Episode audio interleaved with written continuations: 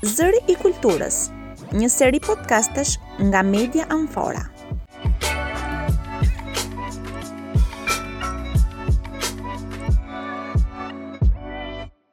Përshëndetje të nderuar dëgjues të Medias Amfora. Në këtë seri të podcasteve Zëri i Kulturës do të jemi me një personazh shumë të veçantë dhe simbolik për qytetin e Durrësit, me zotin Vangjush Haxhia. Ai i ka kushtuar jetën e tij peshkimit dhe nuk ka reshtur për asnjë ditë në pasionin e tij ndaj detit dhe botës së gjallë nën ujë. Zoti Vangjush, faleminderit që jeni bërë pjesë e Medias Amfora. Faleminderit. Ju sot jeni thinjur, por si i kujtoni ditët e para kur nisët të gjuanit peshk në bregdetin e Durrësit? Ah, si i kujtoj ditët e para. Ditët e para janë ditët e rinisë. Dhe dursakët në veçanti e kanë pas gjithmonë pasion detin. Sidomos peshkimi që është i lidhur.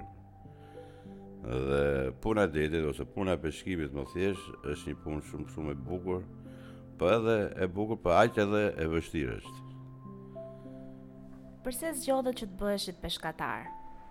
Është pasioni me një fjalë se është e trashëguar edhe e shkon brez mas brezi kjo. Po, kjo ka qenë deri dje se tashi rinia zgjedh punët më më më më më të cilëso, më të mira me një fjalë.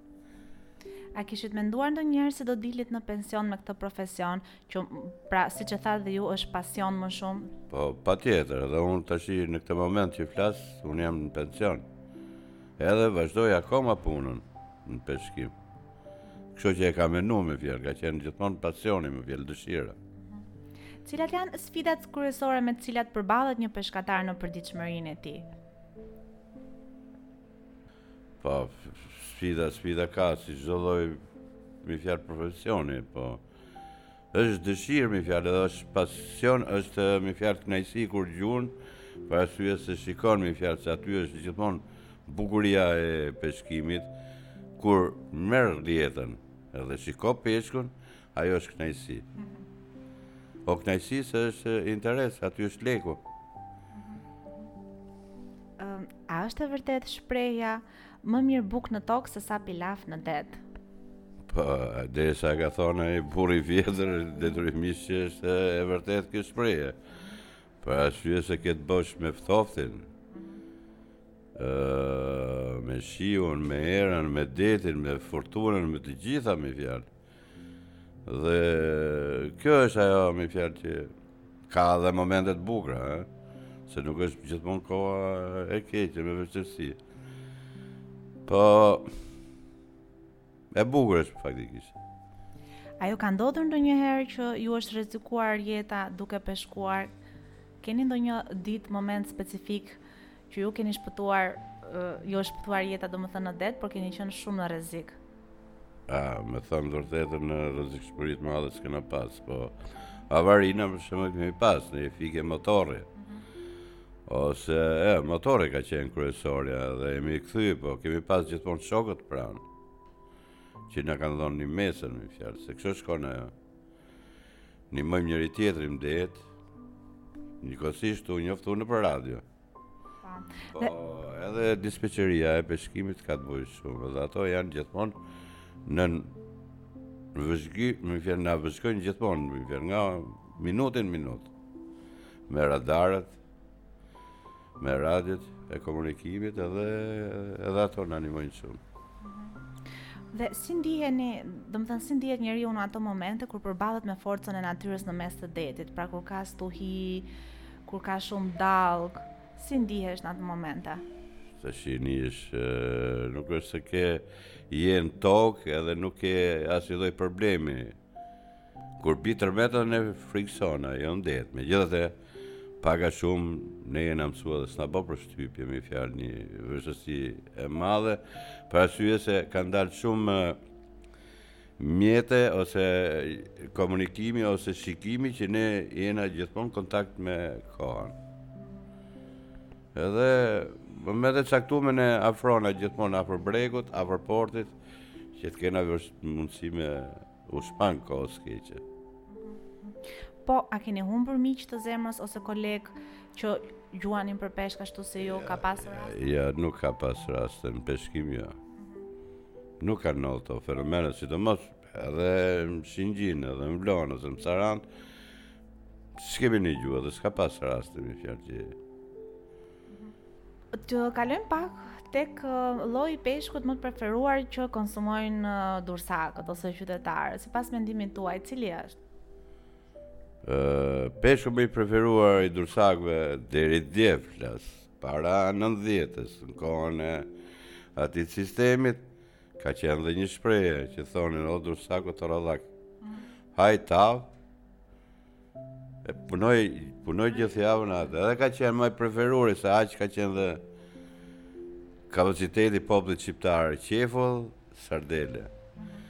Nga 90 e këndej pastaj preferencat e peshkut janë të ndryshme, për arsye se edhe ne dolëm në botë, pamë edhe me fjalë gatimet që bonin nëpër botë dhe Pothuajse të gjithë llojet e peshqve janë të preferuara në tavolinët tona. Pavarësisht rreziqeve, a është peshkimi edhe një profesion që përveç lodhjes fizike të ofron një qetësi të madhe shpirtërore? Po, patjetër, çdo vështirësi e ka dhe një kënaqësi, dhe kënaqësia më e madhe është kur merr lekun. Edhe kënaqesh më tepër. Kjo është Dhe ju sot e kësaj dite pra dilni akoma dhe uh, peshkoni.